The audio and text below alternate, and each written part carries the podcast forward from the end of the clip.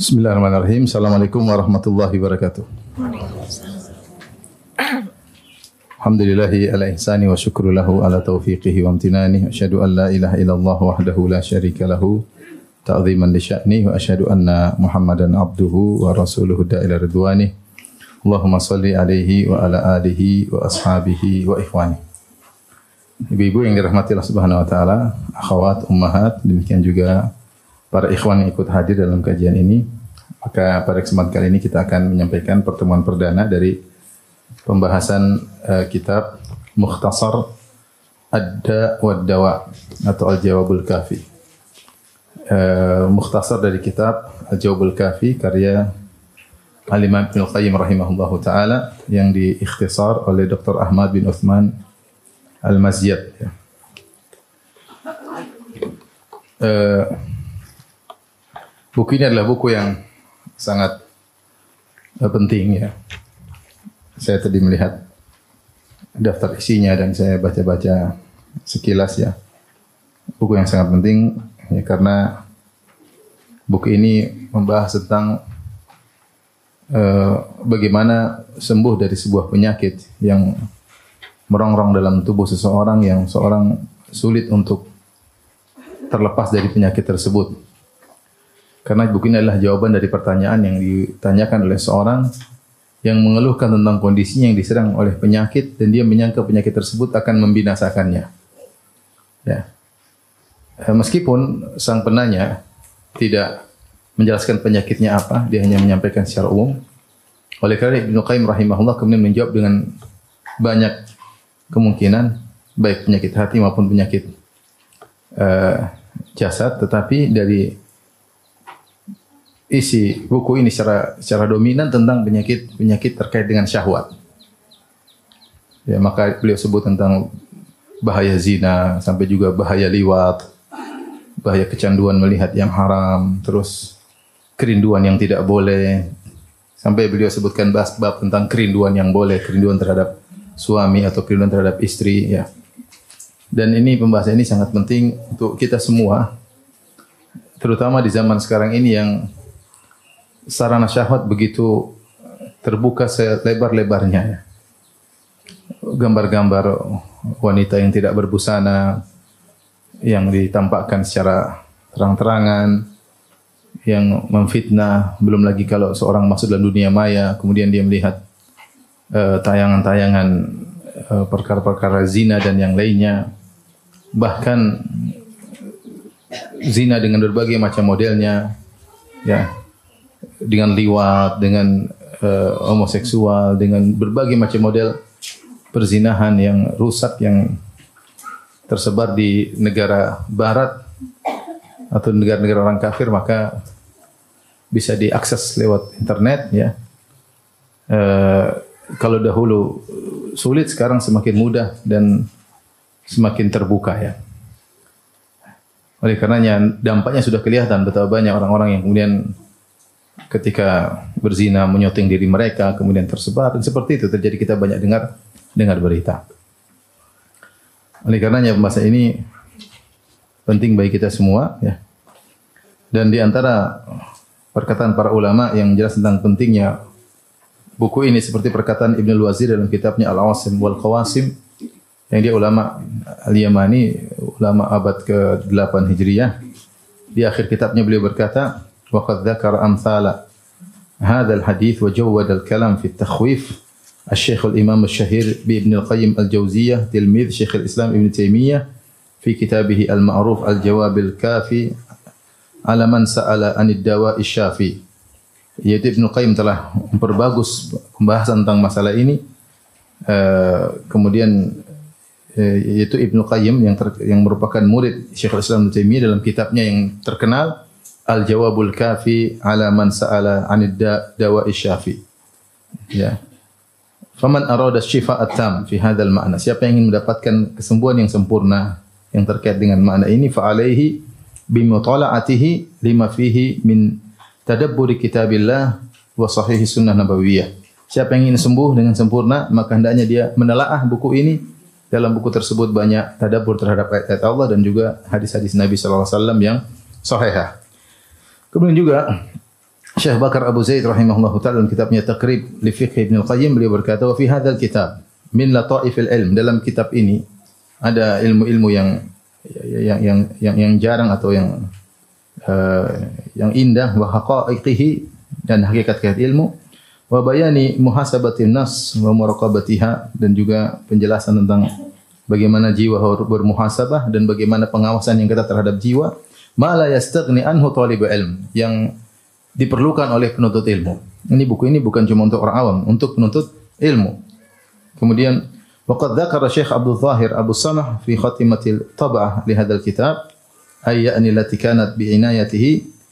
Kemudian Syekh Bakar Abu Zaid berkata, Syekh Abdul Zahir Abu Samah yang pernah mentakik atau mencetak buku Al-Jawabul Kafi dengan perhatian beliau, annahu huwa sabab fi hidayatillahi lahu ila tariqi salafis salih wa suluki manhajihim fi tauhidillahi ta'ala wa ibadatihi. Gara-gara dia membahas buku ini, memperhatikan dia cetak, maka dia dapat hidayah untuk mengenal manhaj salafus saleh dan mentauhidkan Allah dan dalam beribadah kepada Allah Subhanahu wa taala gara-gara kitab Al-Jawabul Kafi yaitu.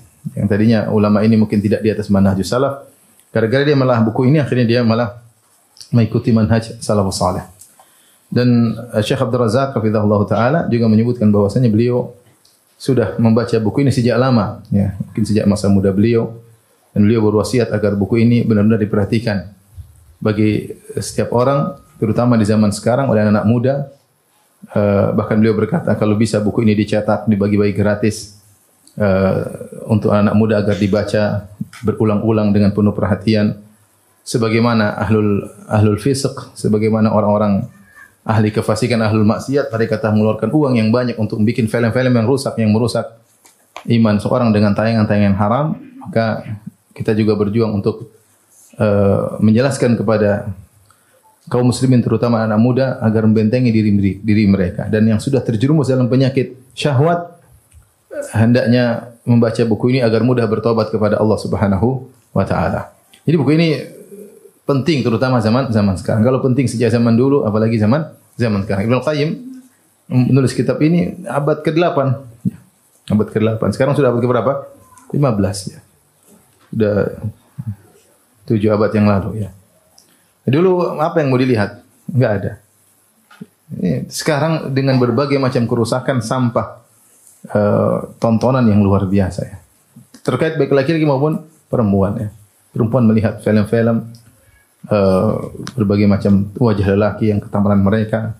Sehingga tidak ada manfaat dari menonton film tersebut kecuali menyakiti hati mereka. Menghilangkan kebahagiaan yang bercokol dalam hati mereka. Jadilah mengganggu kenyamanan dalam rumah tangga. Hidup dalam khayalan-khayalan yang tidak bisa diraih. Uh, mengganggu kekhusyuan salat. Jadi malas dalam beribadah. Tontonan tersebut tidak ada faedahnya kecuali hanya merusak hati. Demikian juga para lelaki yang kemudian mengumbar pandangan melihat tayangan-tayangan ya, yang dari parah dan yang sangat parah dengan rusak ya, merubah bisa merubah fitrah seseorang. Bisa merubah fitrah seseorang kalau in lam yatadarakullah. Kalau Allah tidak menolongnya dia bisa rusak fitrahnya, bisa rusak fitrahnya. Kejadian kita lihat, saya sering sampaikan, kejadian kita lihat bagaimana terjadi perzinahan antara mahram, antara orang tua dengan anak mungkin manusia dengan hewan dari tontonan, dari tontonan. Saya dulu baca hadis tidak akan terjadi hari kiamat sampai seorang berzina dengan ibunya di tengah jalan ya. Saya pikir kapan terjadi begini ya. ya. Tapi dengan melihat kondisi sekarang itu sangat mungkin. Karena fitrah seorang bisa berubah. Ketika dia nonton tontonan-tontonan film-film sampah di situ ada perzinahan antara mahram dengan mahram, bisa jadi setan menggoda dia untuk untuk mencoba dan akhirnya terjerumus dan akhirnya terjerumus sehingga fitrahnya bisa bisa berubah. Betapa banyak orang yang fitrahnya lurus akhirnya nonton film-film uh, gaya atau homoseksual kemudian fitrahnya berubah. Fitrahnya berubah. Ini penyakit yang berbahaya di zaman ini dan siapa pun bisa mengakses ya. Tidak ada yang bisa mencegahnya kecuali Allah Subhanahu wa taala. Seorang udah pegang HP, udah ada kuotanya, selesai. Bersendiri dalam kamar, jangankan jomblo yang sudah berkeluarga pun bisa. Apalagi yang kemudian yang tidak ada istri, tidak ada anak, tidak ada suami, maka motivasi untuk mengetahui, untuk melihat, untuk menonton semakin besar. Dan ketika mereka sudah masuk dalam dunia ini, mereka terjebak, tertawan oleh syahwatnya. Oleh syahwatnya sehingga bisa jadi agamanya hancur. Tapi kita akan membaca kitab ini mungkin ada korek kita atau koreah kita untuk membacanya. Nanti kita komentari insyaallah taala. تفضلي. على من لما بسم الله. قال المؤلف حفظه الله تعالى في كتابه بسم الله الرحمن الرحيم. سئل الشيخ الإمام أبو عبد الله محمد محمد بن الشيخ صالح تقي الدين أبي محمد أبي بكر المعروف بابن قيم الجوزية. ب؟ بابن بابن قيم ال... بابن kalau Ibnul Qayyim atau Ibni Qayyimil. Kalau tidak ada jauziyahnya bilang Ibnul Qayyim. Kalau ada Jauziyahnya bilang Ibnu Qayyimil Jauziyah. Oh, nah. Bibni Qayyimil Jauziyah. ما تقول السادة العلماء أئمة الدين رضي الله عنهم أجمعين في رجل ابتلي ببلية ببلية ببلية وعلم أنها إن استمرت به أفسدت دنياه وآخرته وقد اجتهد في دفعها عن نفسه بكل طريق فما تزداد إلا توقدا وشدة. فما الحيلة في دفعها؟ وما الطريق إلى قشفها فرحم الله من أعان مبتلا والله في عون العبد ما كان العبد في عون أخيه. أفتونا مأجورين رحمكم الله. فكتب الشيخ رضي الله عنه طيب حسبه Uh, buku ini dibuka dengan Bismillahirrahmanirrahim. Uh, kemudian uh, mungkin penulis dari atau pengarang yang meriwayatkan kitab uh, Al-Jawabil Kafi berkata suila Syekh yaitu Ibnu Qayyim yang namanya Abu Abdullah Muhammad Ibn Syekh Saleh Taqiyuddin Abu Muhammad Abi Muhammad Abi Bakar Al-Ma'ruf Bibni Qayyim Al-Jauziyah. Beliau ditanya dengan suatu pertanyaan. Pertanyaan sebagai berikut.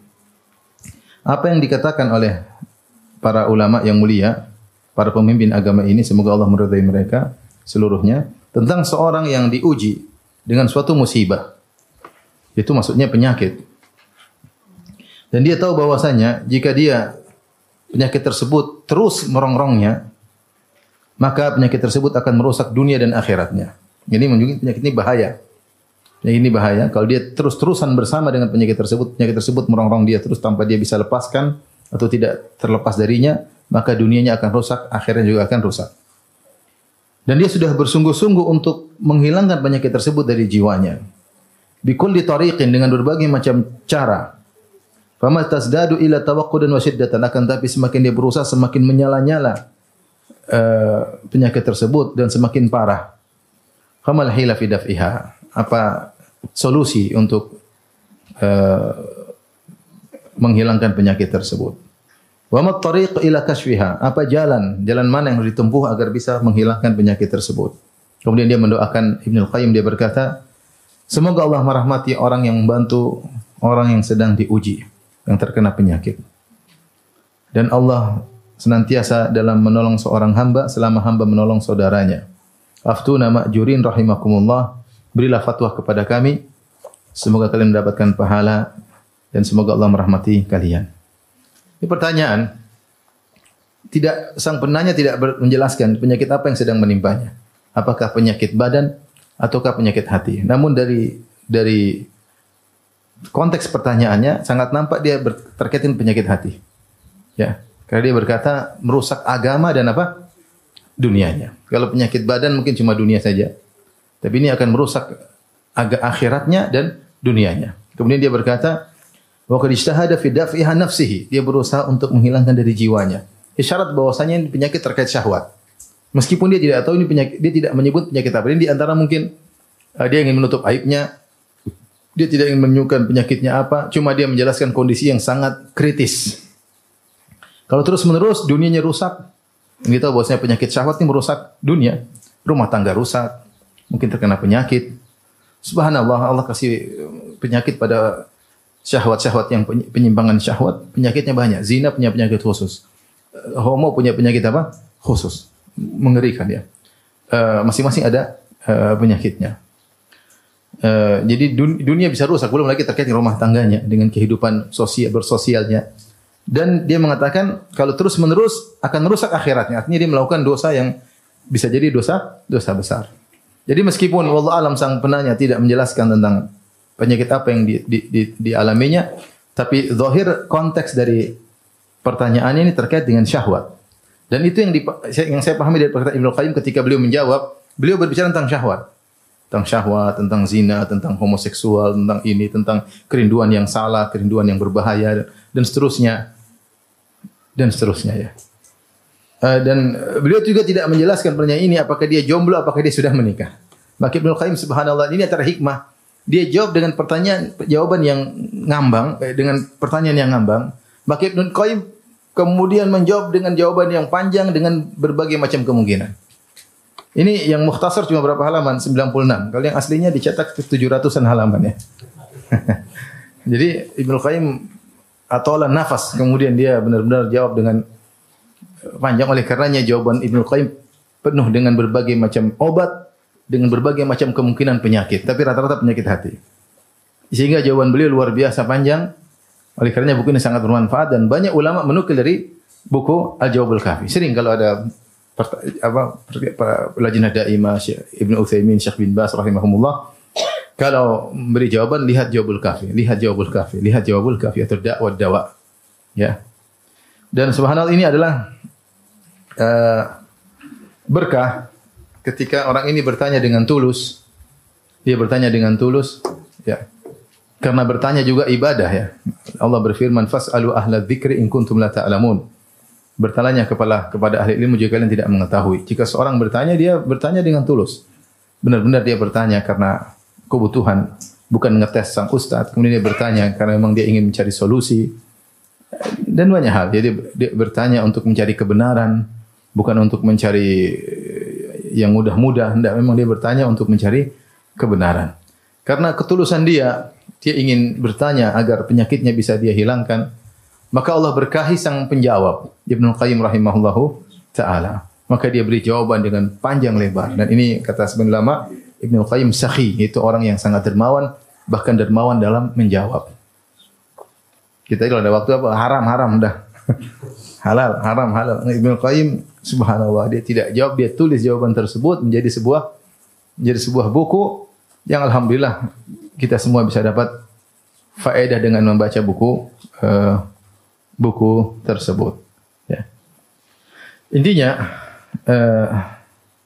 dan ini banyak dalam apa namanya tulisan-tulisan yang dimulai dengan pertanyaan dan betapa banyak eh, Syekh Islam Taimiyah menulis buku yang akhirnya menjadi eh, men- menulis jawaban akhirnya menjadi menjadi buku banyak sekali. Di antaranya contohnya Ibnu Qayyim dalam eh, pembahasan eh, kitab ini Al-Jawabul Kafi. Taib kemudian sang perawi kitab ini berkata, "Fakataba Syekh radhiyallahu anhu." Maka Ibnu Qayyim pun menulis jawaban tersebut. Tentu yang kita baca mukhtasar bukan kitab al-asal tapi kitab al-mukhtasar. Taib wasli. فكتب الشيخ رضي الله عنه الحمد لله أما بعد. ثبت في صحيح البخاري من حديث أبي هريرة من حديث أبي هريرة رضي الله عنه عن النبي صلى الله عليه وسلم أنه قال ما أنزل الله داء إلا أنزل له شفاء. وفي صحيح مسلم من حديث جابر بن عبد الله قال قال رسول الله صلى الله عليه وسلم لكل داء دواء فإذا أصيب دواء الداء برأ بإذن الله. وهذا يعم أدواء القلب والروح والبدن وأدويتها.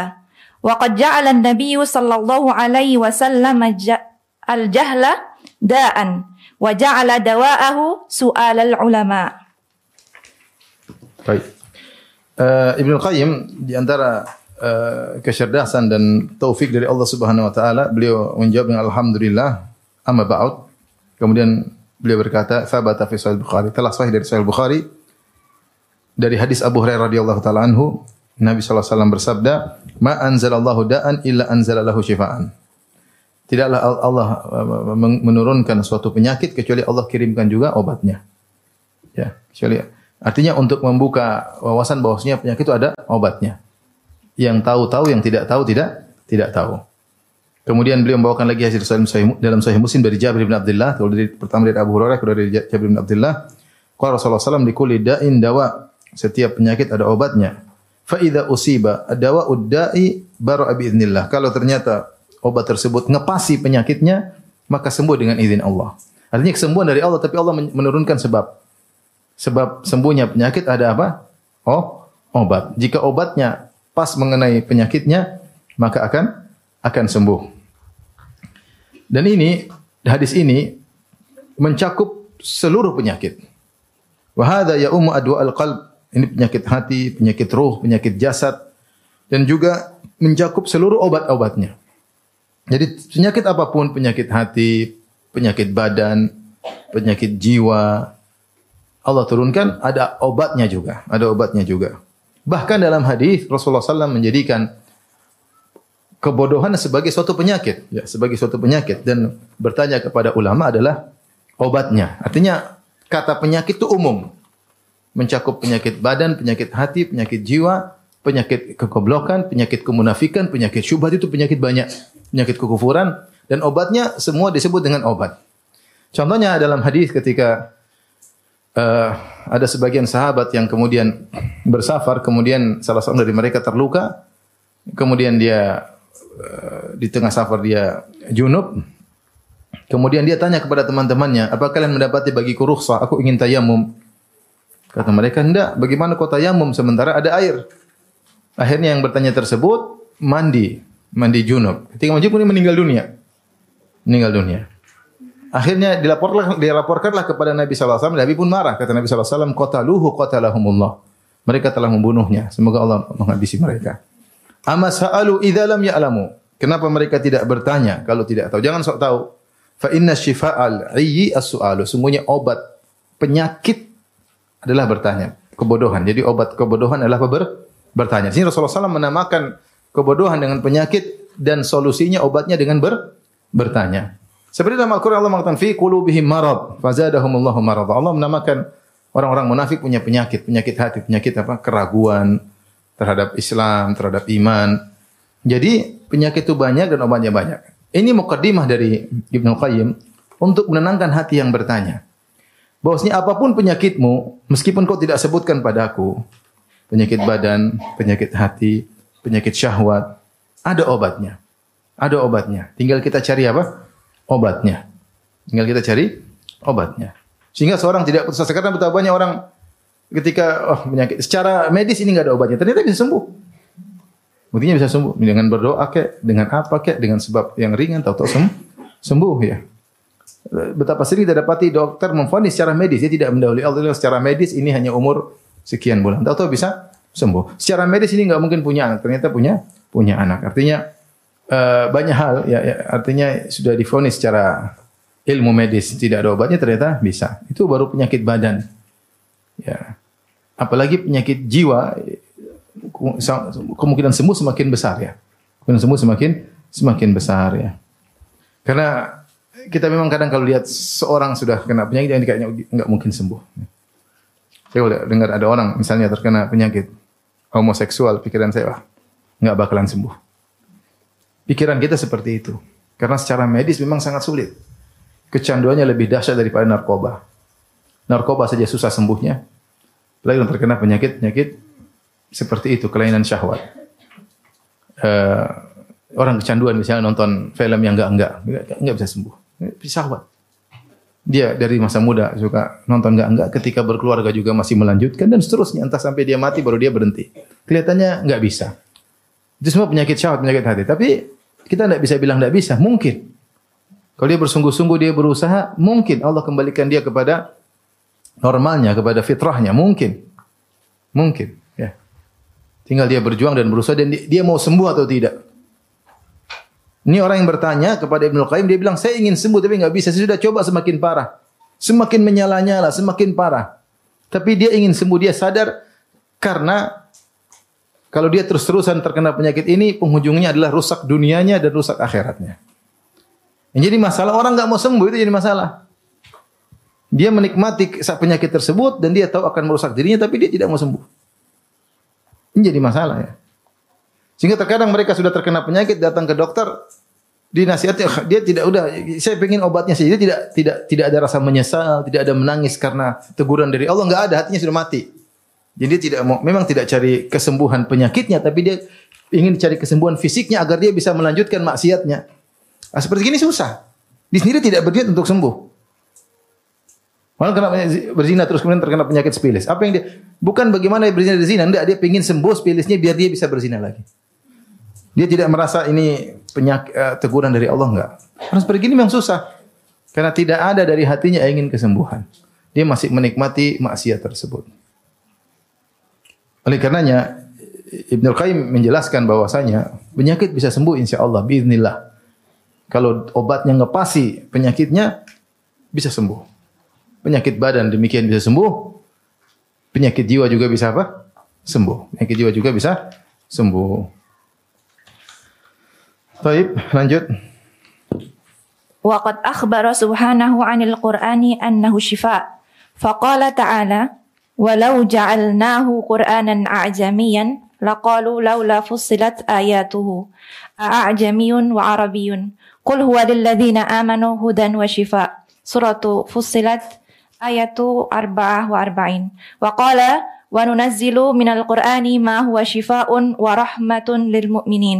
سورة الإسراء آية اثنين وثمان ومن ومن ها هنا لبيان الجنس لا للتبعيد. وإن القرآن كله شفاء كما قال في الآية المتقدمة. فهو شفاء للقلوب من داء الجهل والشك والريب.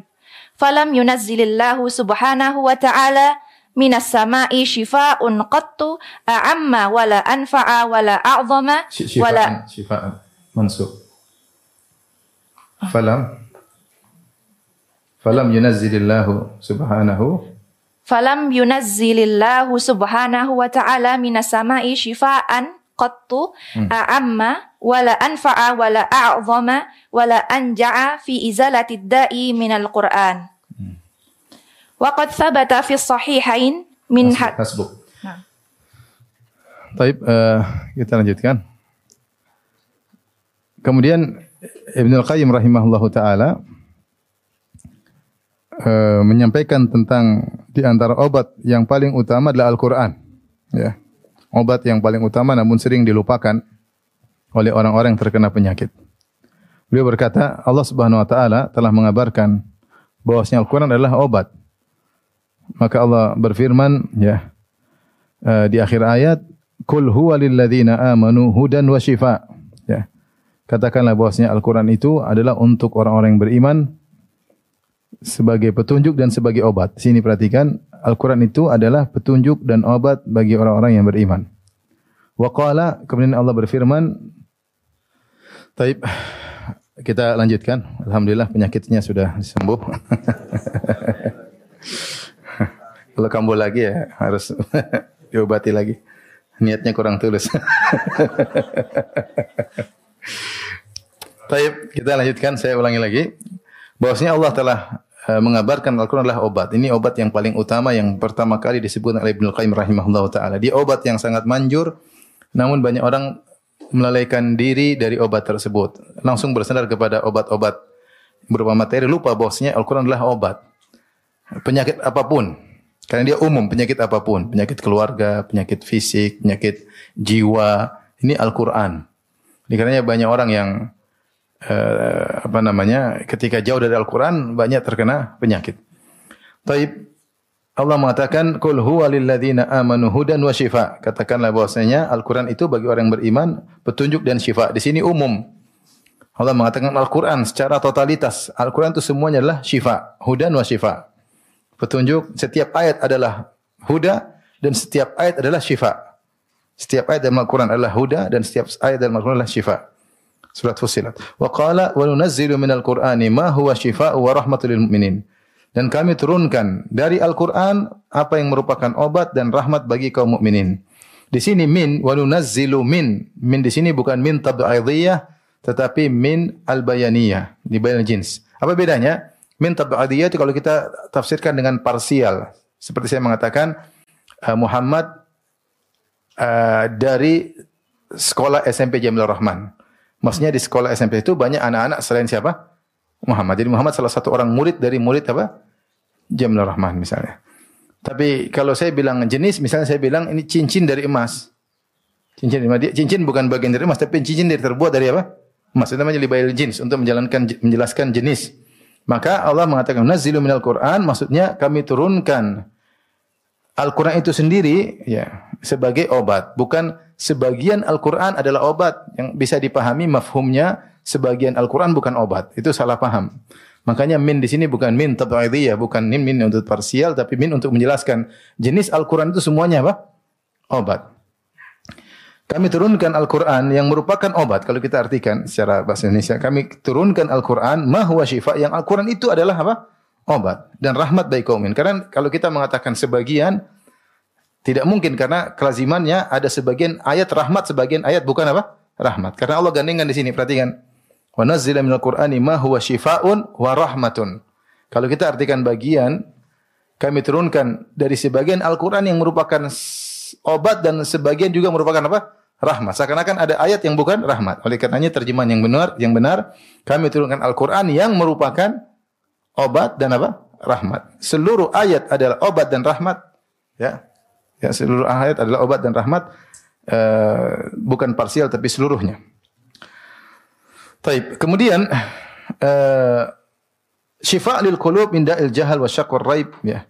Dan syifa di sini umum ya. Allah mengatakan syifa, obat untuk apa? Allah tidak menyebutkan objeknya dan ini di antara uh, ilmu tafsir jika sesuatu ayat tidak disebutkan objeknya maka dia bersifat bersifat umum. Seperti contohnya Allah berfirman misalnya saya sering sampaikan ayat ini alal araiki yanzurun ketika di akhirat kala Allah menyatakan innal abrara lafi na'im alal araiki yanzurun sungguhnya orang-orang yang baik dalam kenikmatan alal araiki yanzurun mereka di atas dipan-dipan sedang memandang Ta'rifu fi wujuh fi wujuhim nadratan na'im. Kau melihat bahwasanya mereka bahagia dari wajah mereka. Di sini Allah mengatakan mereka memandang, memandang apa tidak disebutkan. Tidak disebutkan sehingga ditafsirkan oleh para ulama ini umum mencakup seluruh yang mereka pandang. Semua yang mereka pandang di surga mendatangkan kebahagiaan. Ya. Wa idza ra'aita thamma ra'aita na'iman wa mulkan kabira. Kalau engkau melihat di sana, kau lihat kenikmatan. Seluruh yang kau lihat kenikmatan, enggak ada enggak ada nikmat. Beda dengan dunia. Dunia kita melihat sebagian kenikmatan, sebagian kita melihat mengecewakan, sebagian kita melihat menyedihkan, sebagian kita lihat menjengkelkan. Jadi adapun di surga semua yang kita lihat apa? Kenikmatan. Nah, seperti juga Allah mengatakan, "Qul huwa uh, lilladzina amanu hudan wa shifa." Al-Qur'an adalah obat. Obat apa? Umum. Sehingga dia mencakup segala obat. Obat apa pun. Baik obat penyakit fisik maupun obat penyakit apa? penyakit hati. Makanya namanya ruqyah. Ruqyah bisa untuk obat penyakit fisik. Bisa dengan ruqyah. Terlebih lagi kalau penyakit apa? Penyakit hati. Makanya beliau berkata di sini, maka Al-Quran syifa'un lil qulub min da'il jahli wa syaqqi wa raib.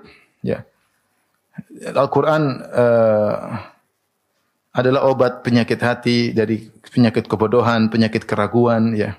Dan tidaklah Allah menurunkan uh, dari dari langit obat yang paling umum, yang paling bermanfaat, yang paling agung dan paling mengena dalam menghilangkan penyakit seperti Al-Qur'an. Ini Ibnu Qayyim menjelaskan dengan penuh keyakinan bahwasanya Al-Qur'an itu obat paling bermanfaat seluruh penyakit. Penyakit jasad maupun penyakit hati. Apalagi yang bertanya ini sedang seakan-akan menjelaskan dia terkena penyakit penyakit hati, penyakit syahwat. Maka obat yang paling bermanfaat adalah apa? Al-Qur'an. Saya lanjut.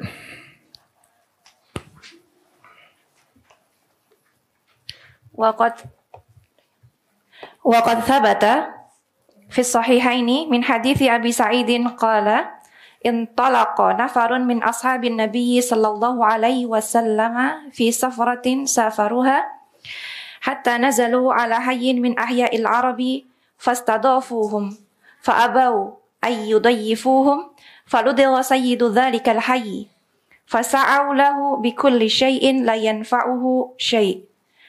فقال بعضهم لو أتيتم هؤلاء الرهط الذين نزلوا على على حينا لعله أن يكون عند بعضهم شيء. فأتوهم فقالوا يا أيها الرهط إن سيدنا لدغ فسعينا له بكل شيء لا ينفعه شيء. فهل عند أحد منكم من شيء؟ فقال بعضهم نعم والله إني لأرقي. ولكن والله لقد استضفناكم فلم تضيفونا فما أنا براق حتى تجعلوا لي جعلا. فصالحوهم على قطيع من الغنم فانطلق يدفل عليه ويقرأ الحمد لله رب العالمين. فكأنما نشط من عقال فانطلق يمشي وما به قلبه. قلبه.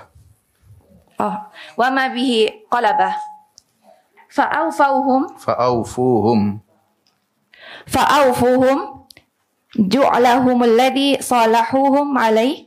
فقال بعضهم اقتسموا. فقال الذي رقى لا ين لا نفعل حتى نأتي النبي صلى الله عليه وسلم. فنذكر له الذي آه، عفواً. فنذكر له الذي كان. فننظر ulang, به- ulang tadi uh, fantalaqa yamshi wa ma bihi qalabah ya fa'au فأوفوا fu apa fauhum فو. fau ya fa'au fauhum نعم. فأوفوهم جعلهم الذي صالحوهم عليه. فقال بعضهم اقتسموا.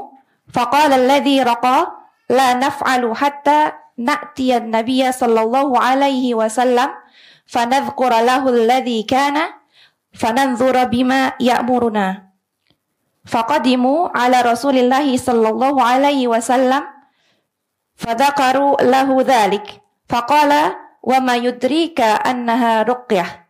ثم قال قد أصبتم اقتسموا واضربوا لي معكم سهما.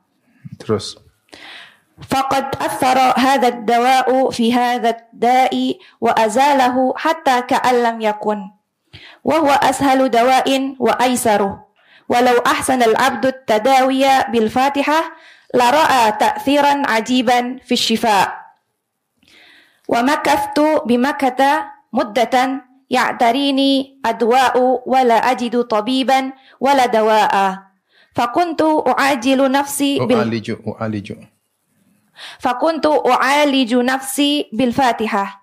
فأرى لها تأثيرا عجيبا. فكنت أصف ذلك لمن يشتكي ألما فكان كثير منهم يبرأ سريعا Hasbuk. Kemudian Ibnu Qayyim berdalil akan hal ini bahwasanya Al-Qur'an adalah obat segalanya. Kalau obat jiwa semua orang mungkin paham. Namanya Al-Qur'an dibaca membersihkan jiwa. Tapi dia ingin berdalil jangankan penyakit jiwa, bahkan penyakit fisik pun bisa sembuh dengan Al-Qur'an. Artinya kalau penyakit fisik bisa sembuh, lebih utama penyakit apa? Jiwa. Karena jiwa yang orang langsung begitu bilang Al-Qur'an obat, pikiran mereka pasti penyakit apa? jiwa, penyakit badan benar enggak? Nah, dia sebutkan dalilnya bahwasanya Al-Qur'an juga bisa merupakan obat dari penyakit badan.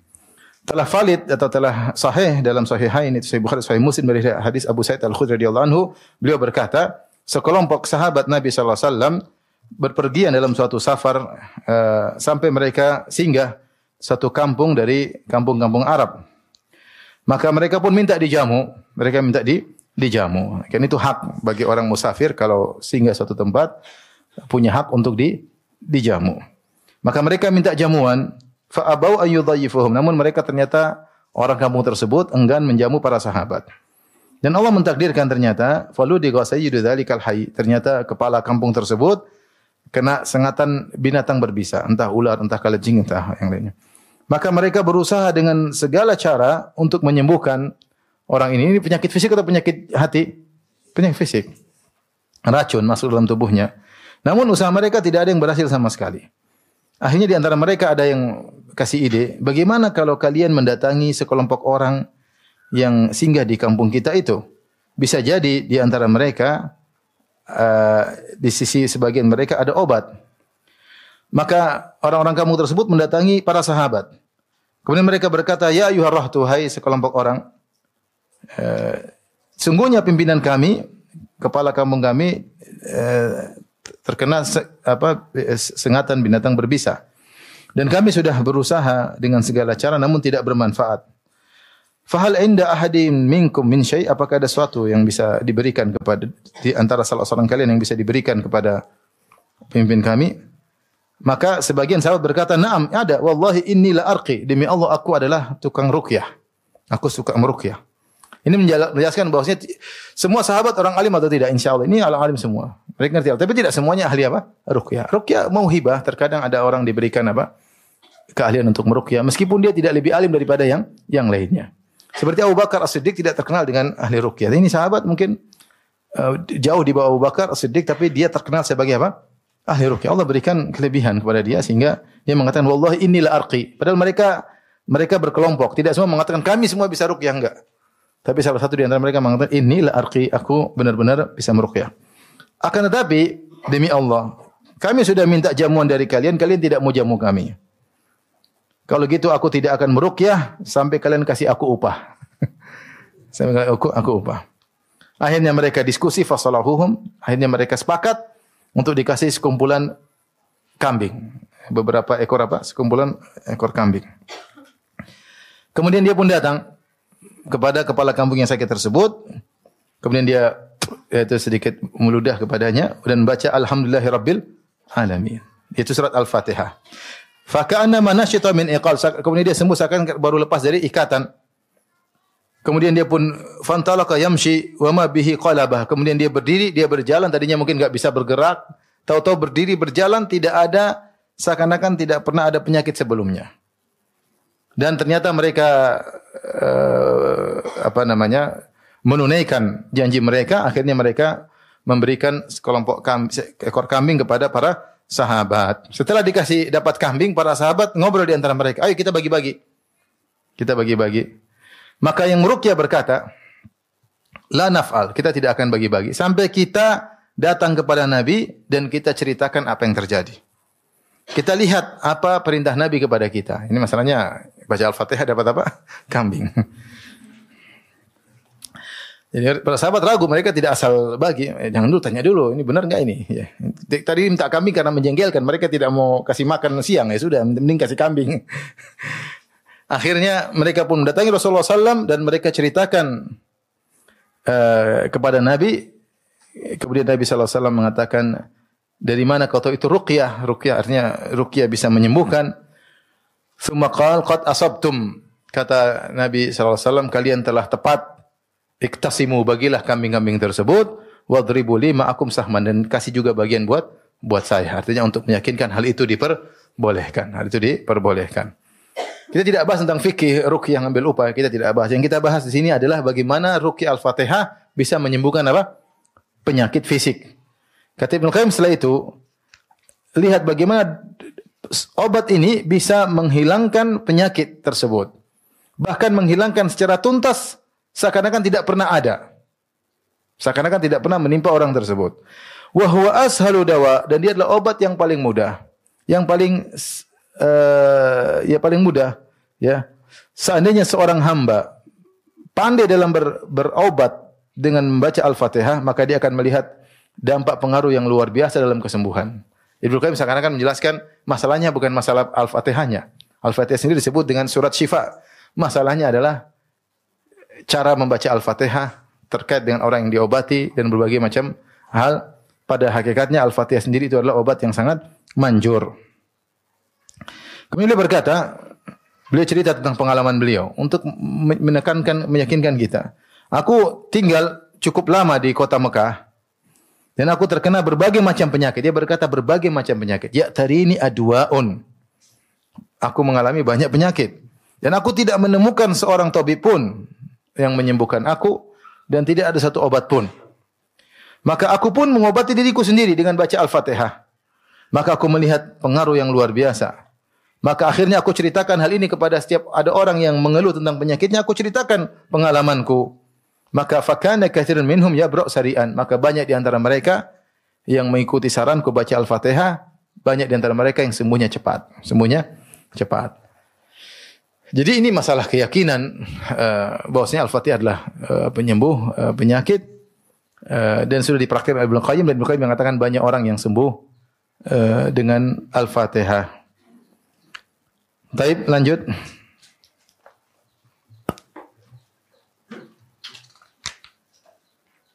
ولكن ها هنا أمر ينبغي التفطن له وهو أن الأذكار والآيات والأدعية التي يستشفى بها ويرقى بها هي في نفسها نافعة شافية ولكن تستدعي قبول المحل قبول المحل ولكن تستدعي قبول المحل وقوة همة الفاعل وتأثيره. فمتى تخلف الشفاء كان لضعف تأثير الفاعل؟ أو لعدم قبول المحل؟ قبول المحل. أو لعدم قبول المحل المنفعل. أو لمانع قوي فيه يمنع أن ينجع فيه الدواء. وقال أبو ذر يكفي من الدعاء مع البر mayak fit to'ami mayak fit to'ama eh, afan mayak fit to'ama minal milh. minal milh ya. Namun di sini ada perkara yang harus kita cermati. Kita harus cerdas. Tarfatul maksudnya cerdas cermati. Bahwasanya zikir-zikir dan ayat-ayat dan doa-doa yang digunakan untuk berobat untuk ruqyah secara zatnya dia bermanfaat dan menyembuhkan. Tetapi butuh ada sifat-sifat lain mendukung hal tersebut yaitu bahwasanya qabul al-mahal, bahwasanya orang yang sakit bisa menerima hal tersebut. Ya, kalau orang yang sakit bisa menerima maka ini mudah. Seperti tadi, ketika dia bilang saya bisa rukyah, orang yang sakit percaya enggak? Percaya, makanya ketika dibaca dia terima. Itu butuh, maksudnya yang sakit butuh mudah menerima eh, obat tersebut atau bacaan tersebut. Kemudian kuat himmatil fa'il wa ta'thir. Kemudian yang membacanya, yang membaca zikir, membaca doa, ya, harus semangat ya eh, dalam mengerjakannya ya. Kemudian juga kapan eh, dan berusaha untuk berdampak dia berusaha semangat untuk bisa dengan sebab ini bisa sembuh. Kapan tidak datang kesembuhan? Ini karena lemahnya pengaruh al-fa'il yang, yang, yang baca. Auli adami qabil mahallil fa'il atau yang sakit tidak menerima. Cuma dua sebabnya. Yang baca kurang kuat, kurang yakin, ragu-ragu, coba-coba. Yang menerima juga ah, mau ngom baca saja belum tentu sembuh, repot juga. Jadi kadang-kadang gara-gara dua itu. Bisa jadi ini lemah tapi ini kuat sekali bisa sembuh juga. Ya. Atau ini lemah tapi yang menerima sangat kuat dia yakin dengan Allah juga bisa sembuh. Intinya ada faktor-faktor yang membaca dan faktor yang menerima. Kalau dua-duanya lemah nggak jadi. Ya. Eh, aulimani an qawiyin fihi yamna'an yanja' fihi dawa atau ada halangan yang kita tidak tahu yang kuat yang mencegah hilangnya penyakit tersebut. Perhatikan, ini pembahasan terakhir perkataan Abu Dzar. Wa qala Abu Dzar, Abu Dzar radhiyallahu anhu berkata, "Yakfi min ad-du'a im al-bir ma yakfi ta'am min al-milah." Cukup eh, doa secukupnya bermanfaat dengan kebaikan yang banyak sebagaimana makanan hanya cukup sedikit garam. Maksudnya bagaimana? Maksudnya kalau ada orang baik yang dia ke mana-mana berbuat kebaikan, tidak berkata kecuali kebaikan, tidak menulis status kecuali kebaikan, tidak ketemu dengan tangga kecuali baik, dia tidur dalam kondisi baik, tidak bermaksiat, dia bangun dalam kondisi baik, kegiatan semua baik, sibuk ibadah dalam kebaikan. Orang seperti ini kalau dia doa sedikit saja Allah langsung kabulkan. Allah langsung apa? kabulkan. Dia tidak banyak doa, sibuk nolong ini, sibuk nolong sana, sibuk silaturahmi, sibuk dia tulis selalu beribadah, beribadah, beribadah. Dia bilang, Allahumma hdini. Dia bicara doa seperti Allah, Allahumma hdini. Allah berilah petunjuk kepadaku. Doa sedikit Allah beri petunjuk pada dia, pada keluarganya, pada usahanya, pada pekerjaannya, Allah beri hidayah semuanya. Kenapa? Karena dia selalu apa? Baik. Ibarat makanan, tidak usah banyak-banyak garam. Garam nggak perlu. Sedikit aja sudah cukup membuat makanan apa? Enak. Makanya para sahabat mungkin mereka tidak di apa namanya tidak diriwayatkan mereka. Mungkin begitu doa sedikit sudah selesai. Apa? Sudah selesai. Ini di luar zikir ya. Kalau zikir kita selalu berzikir. Ini maksudnya sekali kita berdoa ya Allah begini ya itu. Kalau orang selalu baik kata Abu Dhar ini fikihnya Abu Dhar. Abu Dhar sahabat yang fakih ya. Kalau dia sering berbuat kebaikan dia doa sedikit saja mudah dikabulkan. Maksudnya dia mengatakan ini untuk menguatkan tentang bahwasanya ruqyah itu di antara pengaruh yang kuat pembacanya. Itu juga penting ya. Oh dia insya Allah dia dikit-dikit doa selain faktor yang me menerimanya. Taib demikian saja ikhwan dan akhwat yang mati subhanahu wa taala karena waktu sudah habis dipotong dengan kerusakan tadi sedikit. Insyaallah kita lanjutkan pada kesempatan yang lain.